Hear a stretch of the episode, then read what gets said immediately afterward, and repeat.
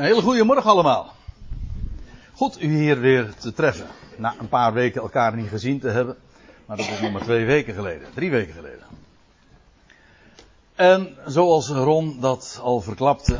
En u zag het natuurlijk ook al eventjes op uh, dat diaatje. En nu opnieuw. Gaan we het vanavond, uh, vanavond, vanmorgen hebben over namen.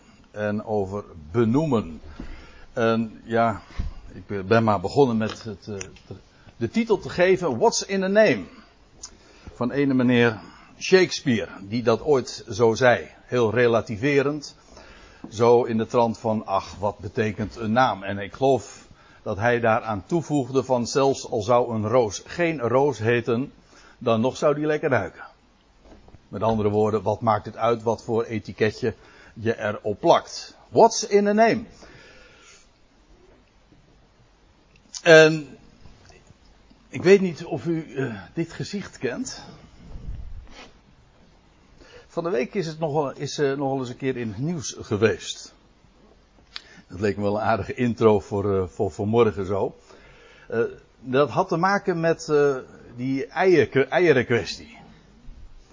En deze dame, die heeft een hele mooie naam. Henny de Haan.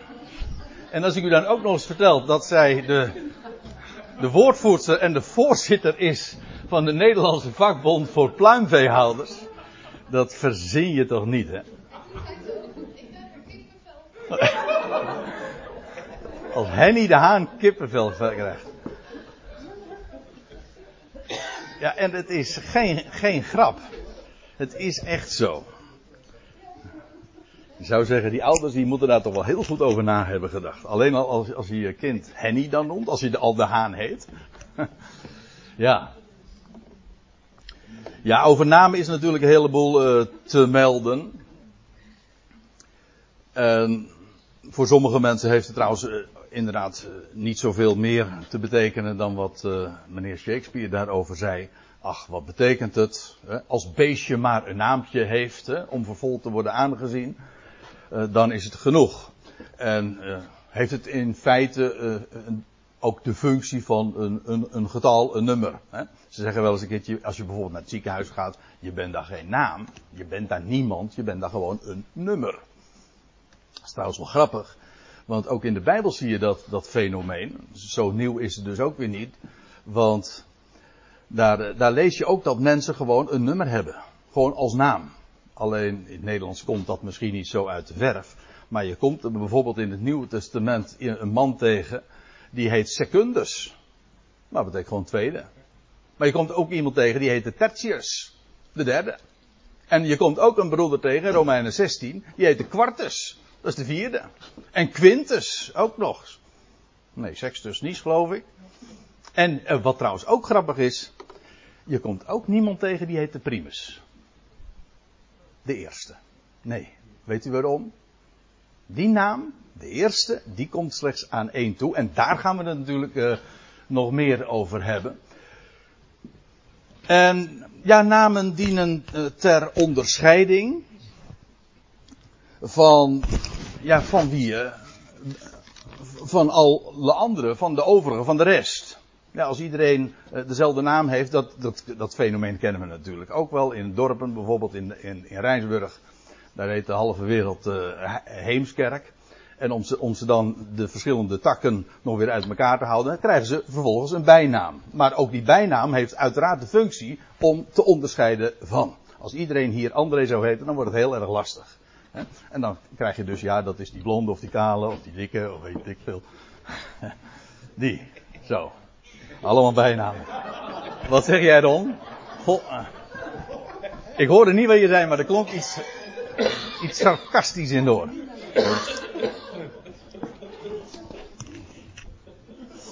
En trouwens, je kunt zelfs, uh, als we het daarover hebben, je kan zelfs geen naam hebben en je daarin onderscheiden. Dan heb je bijvoorbeeld een band zonder naam. Hm? Een BZN of een zangeres zonder naam, kan ook nog. En dan onderscheid je je daar weer in. Met, met namen, ik wil u daar, met name, hè, ja dat is leuk. Als je met name zegt, dan, dan wil dat eigenlijk daarmee, daar, daar zeg je mee dat je iets een naam geeft. Dat je daarmee ook erkenning geeft. Dat is ook zo. Dat is ook een heel grappig fenomeen. Er, er, er zit heel veel aan, aan, aan, aan zo'n naam vast. Maar op het moment dat iets een naam krijgt, dan krijgt het ook erkenning.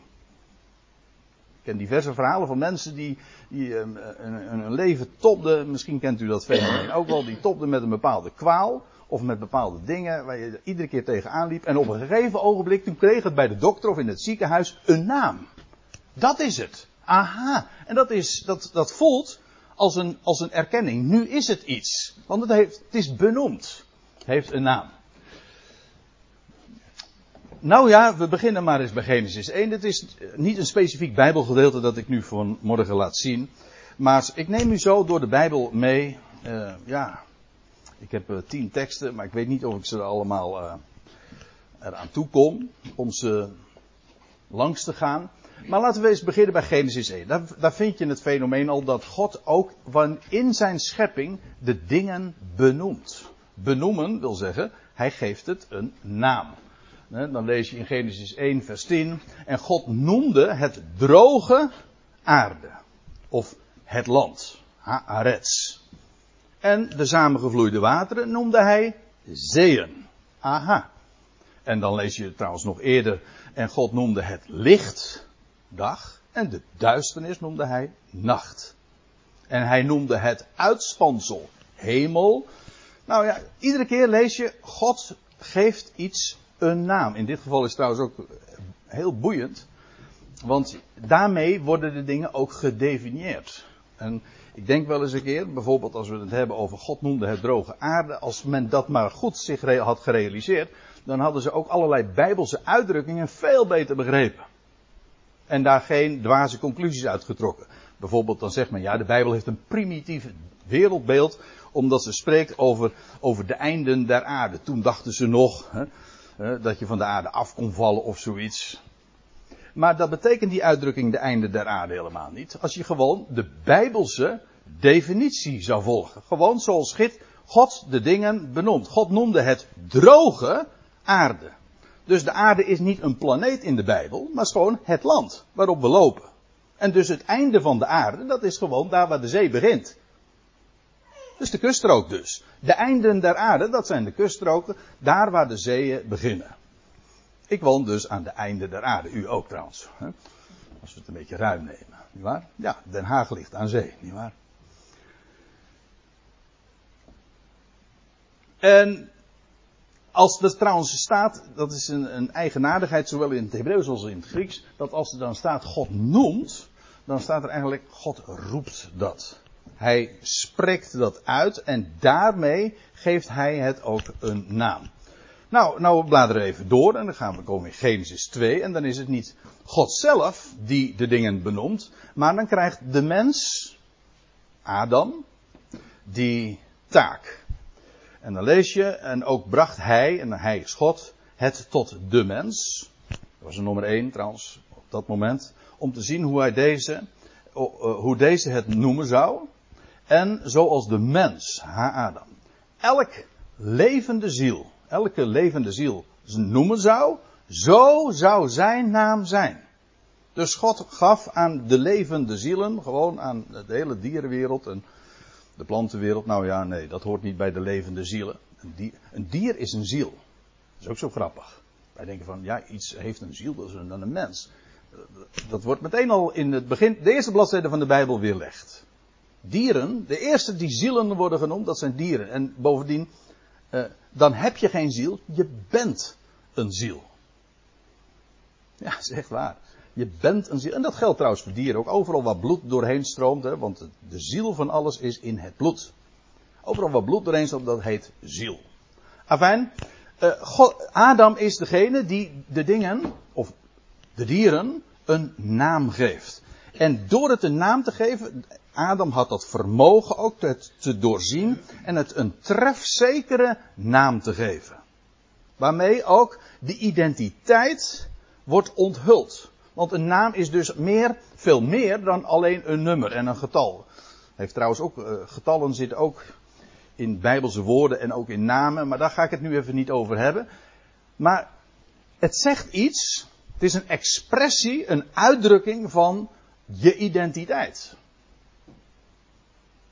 Kijk, wij, wij zijn daar heel nonchalant in. Wij, bedoel gewoon in het algemeen in de wereld, als het gaat, als, uh, gaat om naamgeven, dan, dan hebben we daarvoor eigenlijk hele banale criteria voor. Dan zeggen we van nou, het klinkt wel lekker. Ja, dat is zolang als het duurt natuurlijk. En dat hangt ook vaak af uh, van de associaties die je hebt.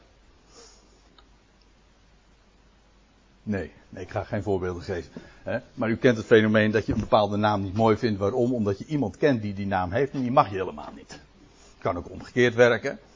Uh, maar ik bedoel, dat, dat zegt niks over de identiteit. Als in de Bijbel namen gegeven worden, is dat een hele serieuze zaak. Want daarmee wordt de identiteit, wie je bent, aangegeven.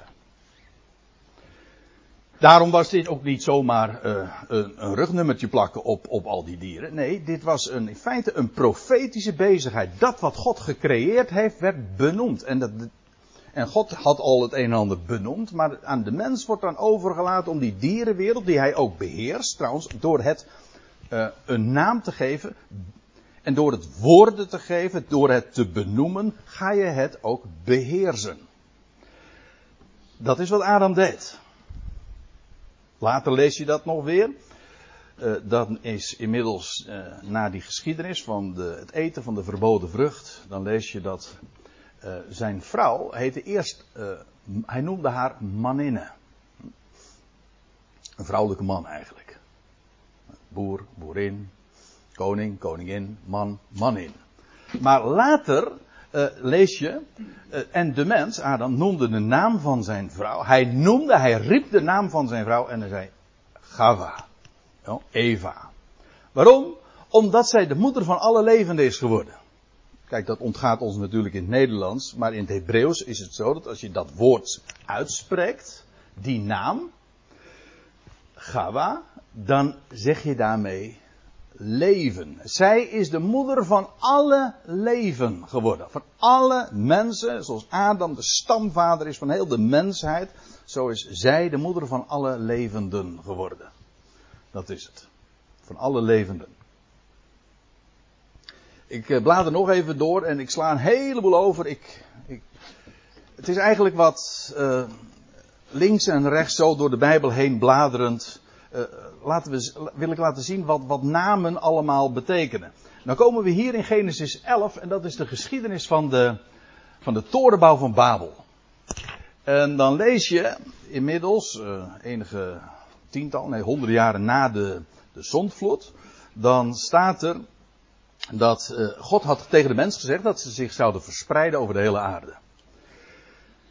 En dan lees je dat de mensheid daar in die vlakte van Siniar is, tussen de Uifraat en de Tigris, Mesopotamië. Dus zoals al onbekend, dat is de bakermat van de beschaving. Dat klopt ook, want daar vindt, ja, daar is de mensheid begonnen.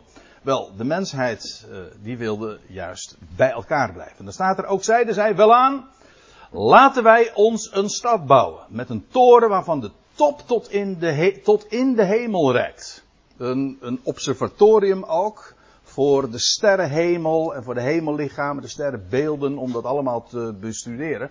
Maar ook staat er, en laten wij ons een naam maken. Omdat wij, opdat wij niet over de hele aarde verstrooid worden. God had gezegd, vervul de aarde. Nee, zei de mens, wij willen samen klonteren. En hoe was het ook alweer? En nou ga ik een tekst heel erg uh, uh, verdraaien.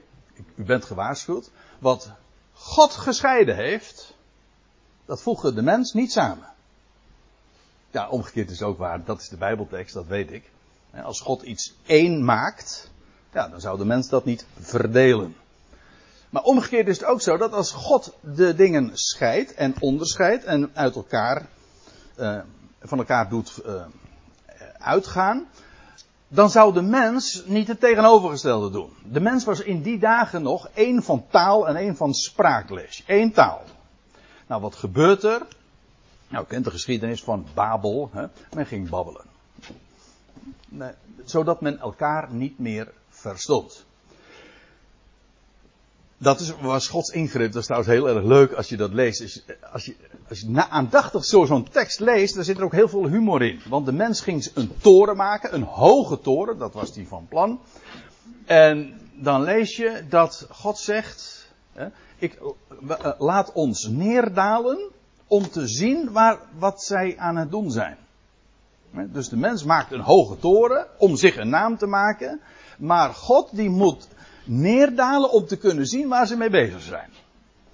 De ironie, de, het sarcasme spat er vanaf. De Heer spot ermee. Het is belachelijk waar, waar, wat de mens zich verbeeldt tegenover de naam.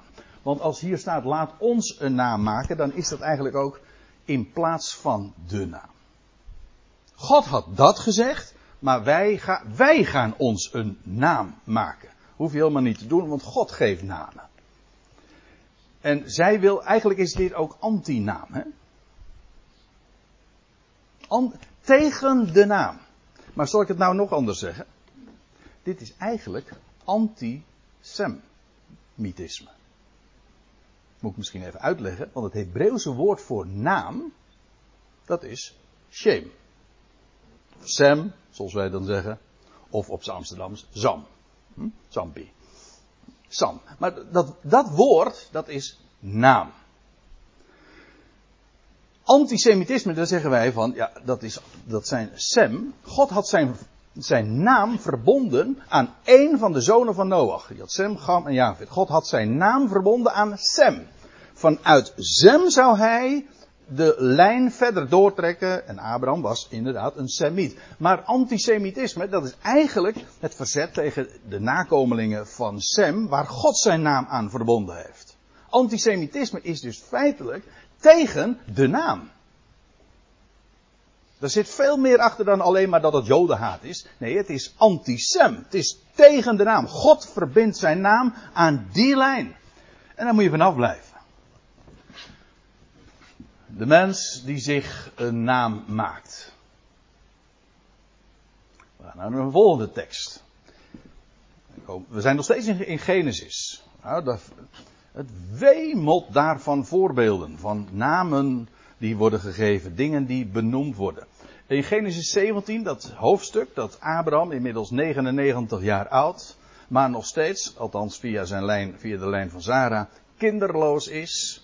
Zijn vrouw is, was altijd al onvruchtbaar, bovendien inmiddels ver over de tijd. Hè. Uh, die was tien jaar jonger uh, dan hij. En God zegt, komt dan tot hem en er staat er, en jouw naam zal niet meer genoemd worden Abram, maar jouw naam zal zijn Abraham. Hij krijgt eigenlijk een één Hebreeuwse letter aan zijn naam toegevoegd. Krijgt trouwens Sarah ook, want eerst was het Sarai en het werd Sarah. Die H wordt eraan toegevoegd. Dat is de vijfde letter, dat is de He. Dat is heel leuk. Dat is de vijfde letter. Dat staat ook voor het getal vijf. En daarmee ook voor genade. Maar ook voor een venster. Het Hebreeuwse letter. Goh, er is zoveel over te vertellen.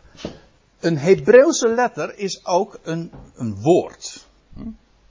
Een bed, de tweede letter, de, beet, dat is een huis. Hè? Maar de vijfde letter, dat is de he en dat is een venster. De vierde letter, dat is de dalet en dat is een deur. Dat is heel grappig. Dus die, die Hebreeuwse letters zijn ook cijfers, maar ook feitelijk, het is een soort pictogram. Het is een venster.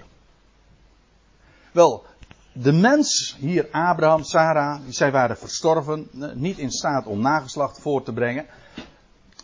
Dus zij waren eigenlijk, uh, ja, impotent, niet vermogend om nieuw leven voor te brengen. En daar waar de mens eindigt, daar begint God. Dat zie je hier ook heel duidelijk. Daar waar God een deur sluit, het onvermogen van Abraham, Abram en Sarah, daar opent hij een venster. En krijgen zij de naam, krijgen zij de he aan een naam toegevoegd. God gebiedt uitzicht. Hij opent de mens en met zijn wetenschap en techniek eh, is eh, aan het plafond gekomen. En, maar dat, wat ons plafond is, dat is Gods vloer. Daar begint hij.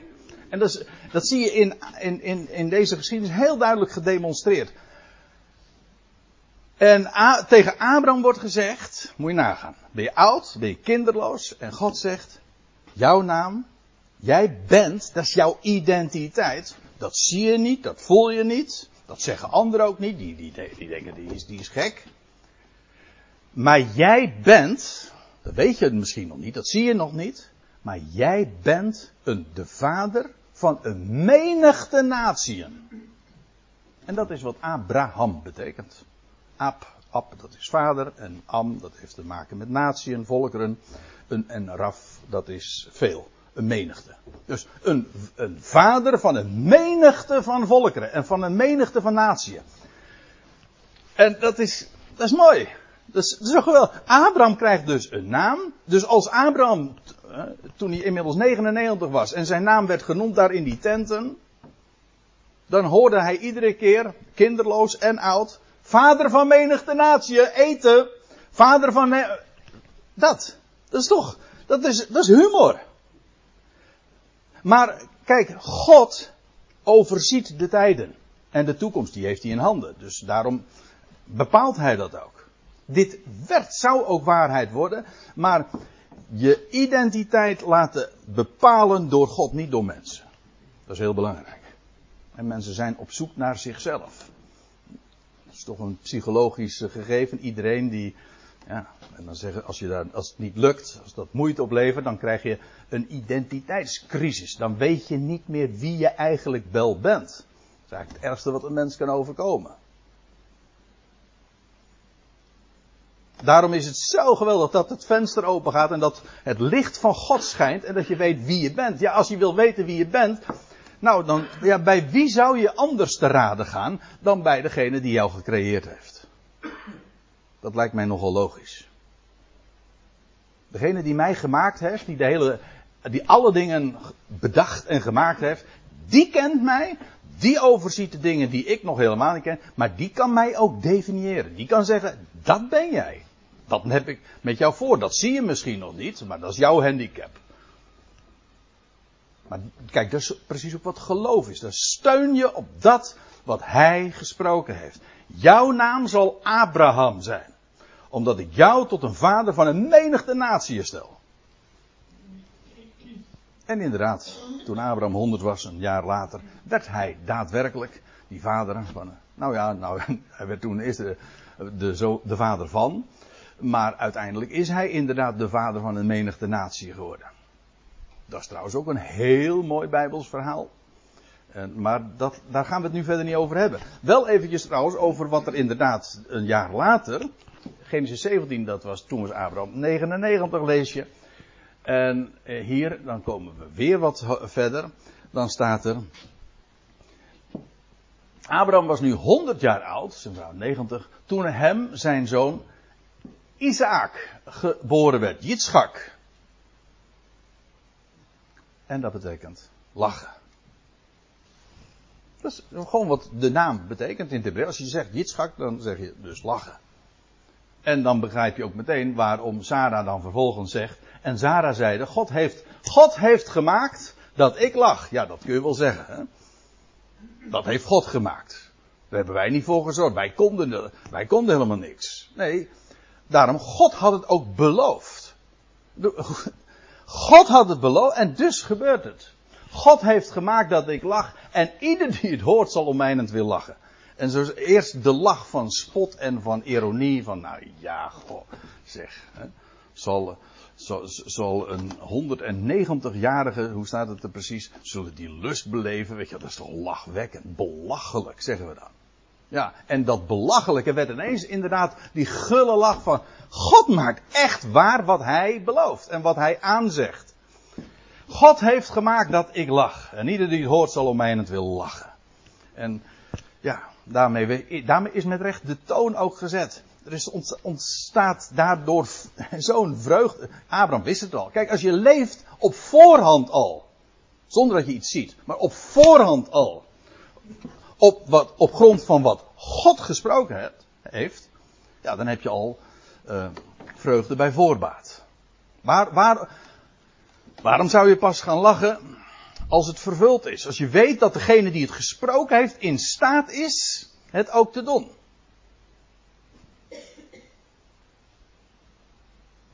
Dan lach je bij voorbaat. En dat is feitelijk wat hoop is. Wij genieten nu al van de dingen die we nog moeten krijgen. Maar goed, we kennen dat toch allemaal. Het is nu vakantietijd. De, de, we zeggen wel eens een keertje, dat is ook wat uh, sarcastisch of wat ironisch misschien dan bedoeld. Maar de grootste pret en de grootste vreugde beleef je van tevoren. De voorpret. Van, aan dingen, die is vaak uh, minstens zo leuk. Ja, gaat komen. Nou, wij, zo, zo kun je gewoon zitten verkneuteren op de dingen die gaan komen. De, al vreugde beleven, het moet nog komen. Maar ja, degene die het gesproken heeft en degene die het garandeert, daar kunnen we gewoon blind op vertrouwen. En dus genieten we nu al van dat wat gaat komen. Dat is hoop. Dat is vreugde. Heb ik er nog eentje. Nou ja, ik, ik, ik, vergeet, nou, ik, vergeet, ik vergeet ze niet. Maar als je al dan de geschiedenissen doorgaat van Jacob en Esau. Jacobs kinderen. En dan lees je van, bijvoorbeeld, een van die kinderen wordt dan geboren. En, dan ze, en ze noemde, en dan zegt uh, Lea, als ik het goed heb, uh, zegt ze, God heeft mij recht verschaft. En ze noemde haar, zijn zoon, of haar zoon. Dan. Ja, ik zit naar jou te kijken, Daniel. Maar dat is precies wat het is. Dan is recht. God heeft mij recht verschaft. En ze noemde zijn, de zoon Daan. Of Dan. Of Daniel. Hè? Mijn, mijn, God is rechter. En iedere keer lees je. Uh, vanaf nu zal iedereen mij gelukkig prijzen. En zij noemde haar zoon Azer. Maar Azer betekent geluk of gelukkig. Nou, iedere keer weer opnieuw bij die namen. Of als dan uh, de jongste zoon geboren wordt, dan eerst dan, dan overlijdt de, de, de moeder, Rachel, bij Bethlehem, ja, in de velden van Efrata, overlijdt uh, de moeder bij de geboorte van het kind. En dan, en dan zegt ze, dan, het laatste wat ze dan nog zegt van, hij moet Ben-Oni heten. Zoon van mijn smart. Nee, zegt uh, Jacob dan. Het is niet zoon van mijn smart, het is Benjamin, zoon van mijn rechterhand. Dus de zoon van Smarte, geboren daar in de velden van Evrata, wordt de zoon van mijn rechterhand. Ik zou zeggen, connect the dots. Hè? Je, je begrijpt meteen waar ik het over heb. Over de zoon. Die geboren werd in de velden van Evrata. Eerst de zoon van Smarte. Maar hij wordt en hij is bestemd om de zoon van Gods rechterhand te zijn. En zo gaat het maar door. Ik heb er nog eentje. Dat betreft kunnen we, nou, met gemak hoor, dagen zo doorgaan. Maar dat doen we niet. Uh, zevende voorbeeld. En zij noemde hem, en het gaat hier trouwens over de dochter van Farao, die, nou, u kent de geschiedenis, die dat ventje daar huilend in de rietbosjes uh, daar aan de Nijl heeft, uh, had gevonden. En dan lees je, en zijn, zij noemde hem Mozes, dat is eigenlijk Egyptisch, want, zeiden zij, en dan weet je meteen van dat de naam dus iets te maken heeft met wat nu gaat volgen, want, zeiden zij, ik heb hem uit het water getrokken.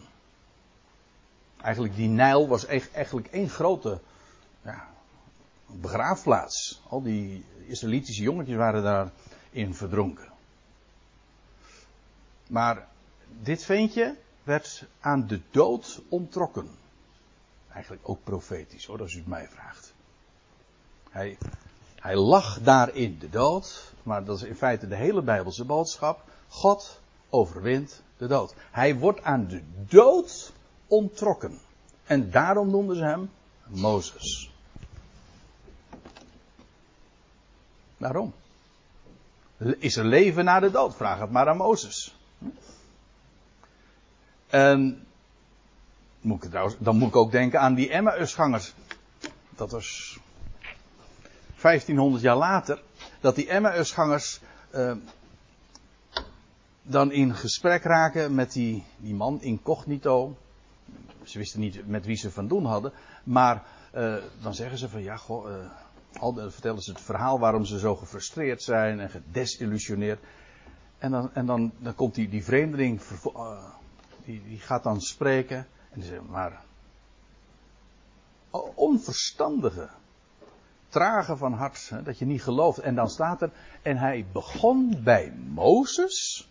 uit te leggen dat de Christus moest lijden en opstaan uit de doden. Hij begon bij Mozes. Kun je uitleggen van ja, de boeken van Mozes. Dat het daar allemaal al in gestond. In. Maar je kunt ook gewoon het heel letterlijk nemen gewoon. En hij begon bij Mozes. Die al in zijn naamgeving uitbeeldt en illustreert. Er is inderdaad leven na de dood. En dan begint het trouwens pas goed. Voortdurend. Dat, we hebben het trouwens nu over, over persoonsnamen, maar je zou het ook kunnen hebben over plaatsnamen. Namen. God, eh, dan is Jacob die, die zijn hoofd op een steen legde en dan een, een droom krijgt en een verbinding ziet tussen hemel en aarde. En dan wordt hij s'morgens wakker en dan zegt dit is niets anders dan een huis gods. En hij noemde die plaats Huis Gods. Nou ja, Bethel, maar dat is Hebreeuws voor Huis Gods dus. Ja. Iedere keer weer. Gilead, nou, Jeruzalem, Bethlehem. Al die namen hebben allemaal betekenis. What's in the name? Nou, heel veel. Als, zeker als het als God namen geeft. Let daarop, ga er nooit achterloos aan voorbij. Dat is nooit zomaar een kwestie van, nou ja, om ter onderscheiding alleen maar. Daar, daar gaat een wereld open. Het zegt iets over je identiteit. Dat is een hele serieuze bezigheid. Ja. Ja, ben ik verplicht ook, want uh, Ron die had er al over gezegd van dat ik wat over, over de naam ook zou zeggen. Nou, uiteraard, heb ik dat in feite ook al gedaan. Maar nou, nou komen we bij Exodus 3, bij de roeping, dat is inmiddels 80 jaar nadat die farao's dochter hem gevonden had daar in die rietsudders. En dan lees je dat eh, hij, die Mozes, geroepen wordt. En bij die braamstruik. En dan ja, vindt daar een gesprek plaats. En dan stelt die Mozes vragen. En dan, zeggen, en dan vraagt hij zo. En als zij dan zeggen tot mij. Als de Israëlieten dan zeggen tot mij. Uh, hoe is zijn naam? Mo Mozes wordt na 40 jaar in de woestijn gezonden naar zijn, weer terug te keren naar zijn broeders. En, en, en dan, ja, wat is, wat is uw naam dan? Tot dusver had God zijn naam niet gegeven en geopenbaard. En hier lees je dat hij dat gaat doen. Hè? Wat moet ik hun dan zeggen? En dan staat er, toen zeide God tot Mozes, ik ben die ik ben. Alsjeblieft, dat is mijn naam. Ik ben die ik ben. Yahweh. Of sommigen zeggen Jehovah. Die, uitspraakkwestie, dat is even een ander ding. Maar dat, die godsnaam. Eigenlijk is het, en dan wordt het ook iedere keer zo samengevat, ik ben. Ik ben. Ik, en wie ben ik nou? Ik ben die ik ben.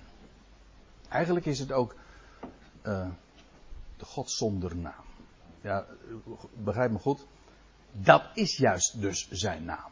Ik ben namelijk, er is er maar één. Ik, kijk, een naam dient ter onderscheiding. Toch? Omdat er zoveel uh, mensen zijn, moeten al die mensen verschillende namen hebben. De eerste mens heette gewoon de mens. Zo wordt hij ook gewoon de mens. Ja, hij hoeft er niet onderscheiden te worden, er was er maar één. Maar God hoeft ook geen naam te hebben. Want er is er maar één.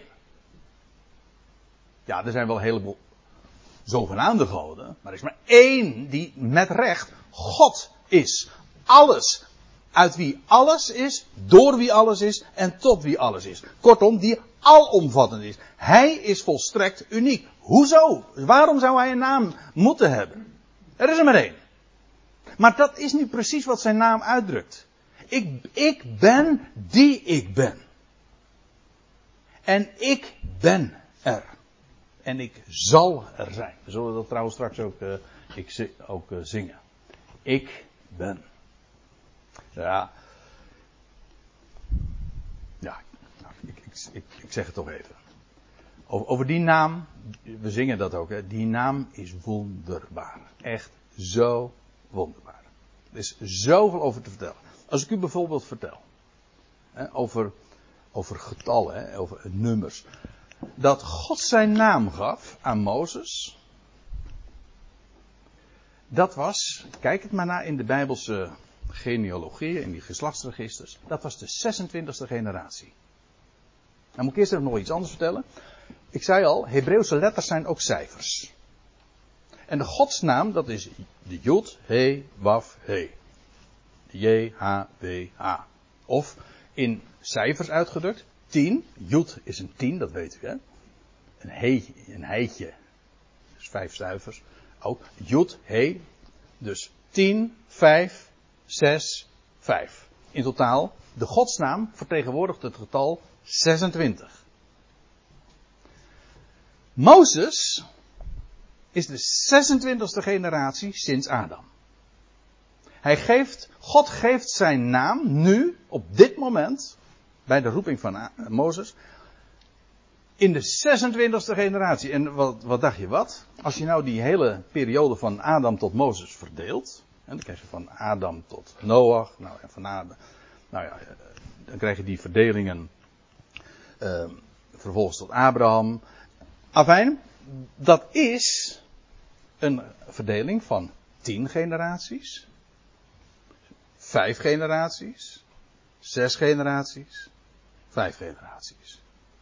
Dus die naam, getalsmatig, als opgevat eigenlijk als een getal, het is ook, het zegt iets over de historie. Al die 26 generaties was ik er al. Ik ben er. Nu geef ik aan jou, Mozes, de 26e generatie, mijn naam. En in die naam zit dat al verborgen. Heel die geschiedenis, ik ben er. En nu openbaar ik mij, onthul ik mij aan jou.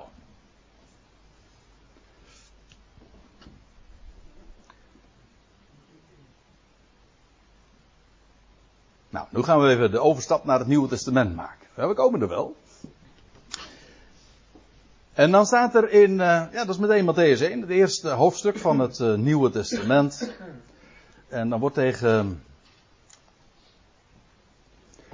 tegen Jozef gezegd, als ik me niet vergis dat dit uh, uit dat gesprek kom, komt. Dan staat er, en zij zal een zoon baren, wordt tegen Jozef, de verloofde van Maria, gezegd. Zij zal een zoon baren en jij zult zijn naam Jezus noemen. Eigenlijk Yeshua, hè, op zijn Hebreeuws. Hangt er vanaf hoe je het eh, op zijn Grieks zegt. Je, Jezus, uh, of Jezus, Jesus. Enfin, jij zult zijn naam Yeshua noemen. Laat ik het dan maar even origineel op zijn Hebreeuws zeggen. Hoezo? Waarom die naam? Wel, want hij zal zijn volk redden van hun zonde. Hun doelmissingen. Hij, dat betekent niet alleen maar, dat, dat denken wij al gemakkelijk uh, vanuit de christelijke traditie, en ik denk dat dat helemaal niet terecht is. dat betekent niet dat God dat vergeeft, maar redden van je zonde wil zeggen, in je zonde, als je in je, een volk dat in zijn zonden gevangen zit, dat is met recht gevangen in doelmissing. Je leven heeft geen, geen zin. En als je gered wordt van zonde, dan wil dat zeggen dat je leven, en het leven van een volk, weer zin krijgt, doel krijgt, richting krijgt. En dit is trouwens een aanhaling weer uit Psalm 130, waar je leest dat God zelf zijn volk, God zelf, zal zijn volk redden, namelijk door zijn zoon, van hun zonde. Hij zal dat doen. Dus in de naam van Jezus zit, ligt al verborgen trouwens, je, als, kijk het maar na in de woordenboeken. Jezus, Yeshua, betekent eigenlijk letterlijk. Eerst die godsnaam zit daarin. Van Yahweh. En dat Shua, dat wil zeggen redding. Jezus betekent gewoon. Yahweh red. God red. Eigenlijk in de naam van Jezus ligt alles verborgen. Heel het evangelie. Yahweh, hij redt. Hoe doet hij dat? Door zijn zoon. Via hem. Maar Yahweh is degene die redt. En dan gaan we tenslotte naar de. naar die tiende tekst.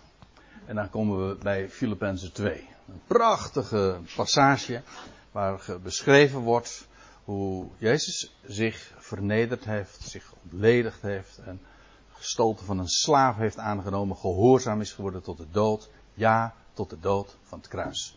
En dan staat er, uh, daarom heeft God hem ook, daarom verhoogde God hem uitermate, nadat hij zich uitermate, tot de uiterste maat had vernederd, heeft God hem ook uitermate verhoogd en hem in genade geschonken de naam boven alle naam. Wat is die naam boven alle naam? Nou, de naam boven alle naam, dat lijkt me toch duidelijk. De naam, dat is de naam van Yahweh zelf. Dat is de naam boven alle naam. En aan hem, deze, Jezus, wordt die naam toegekend. De naam boven alle naam. Opdat in de naam van Jezus, Yahweh die redt, alle knie zou buigen. En dan staat erbij van hemelsen, aardsen en onderaards. Kortom, van iedereen dus. Ik weet niet, ik probeer u maar eens een keer zich iets eh, voor te stellen wat daar buiten valt. Is niks. Opdat in de naam van Jezus, Yeshua of hoe, hoe, u het ook wenst uit te spreken, als, als u het maar weet over wie het gaat. En wat zijn naam betekent, Yahweh redt. Opdat in de naam van Yahweh die redt, elke knie gaat buigen. Trouwens, dat had God al gezworen, want dit, is dan, dit refereert weer aan een profetie in, het, in, Jezaja. Waar God zegt, God zweert niet vaak hoor. God belooft, maar hij zweert slechts bij vier, vijf verschillende gelegenheden. Bij Abraham deed hij dat. Maar ook dan lees je in Jezaja, ik zweer bij mijzelf dat voor mij elke knie gaat buigen en elke tong. Ik doe expres even dit, niet lippen. De lip is de buitenkant. Mensen zeggen van ja, maar dat, uh, dat, is, dat is lippendienst. Nee, de tong dat, dat zit van binnen. Het is van binnenuit. Dat, en ook dat alle knie gaat buigen voor hem. En God de eer gaat geven. Het is nu in feite een relatief klein clubje die dat doet, die hem kent.